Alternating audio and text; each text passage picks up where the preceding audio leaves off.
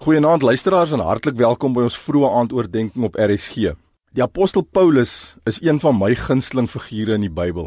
Persoonlik het hy ongeveer 2/3 van die Nuwe Testament onder inspirasie van die Heilige Gees geskryf.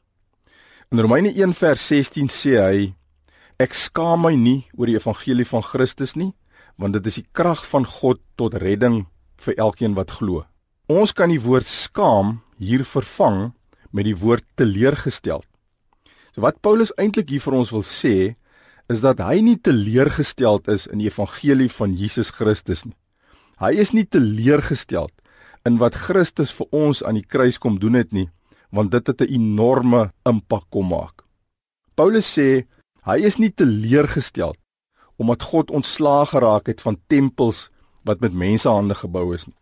Paulus is nie teleurgesteld omdat God ontslaag geraak het van offerdiere wat in die Ou Testament elke dag by hierdie tempels geslag moes word om verzoening tussen God en mens te bewerkstellig. Hy is nie teleurgestel dat Christus, die lam van God, op Golgotha geslag is nie, want hy het finaal die sondes van die wêreld kom wegneem. Paulus sê hy is nie teleurgestel dat sy geloof nie gebaseer is op wat hy sintuiglik kan waarneem nie, met ander woorde op wat hy kan sien, voel of proe nie. Hy is nie teleurgestel dat hy nie na 'n gebou hoef te gaan om God te ontmoet nie, maar dat God in die persoon van die Heilige Gees in ons woon asof ons 'n gebou is.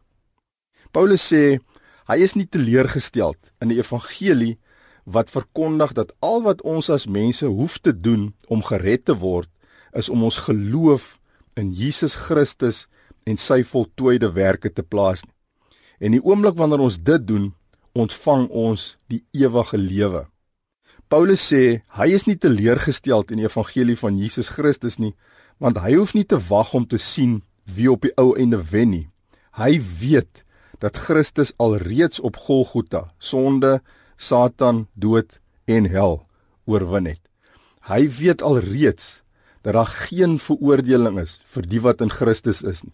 En hy weet alreeds dat Satan uit die hemel gewerp is en dat Christus die stem van die aanklaer stilgemaak het.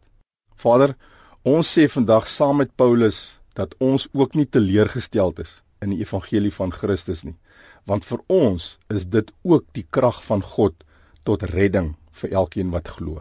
Amen.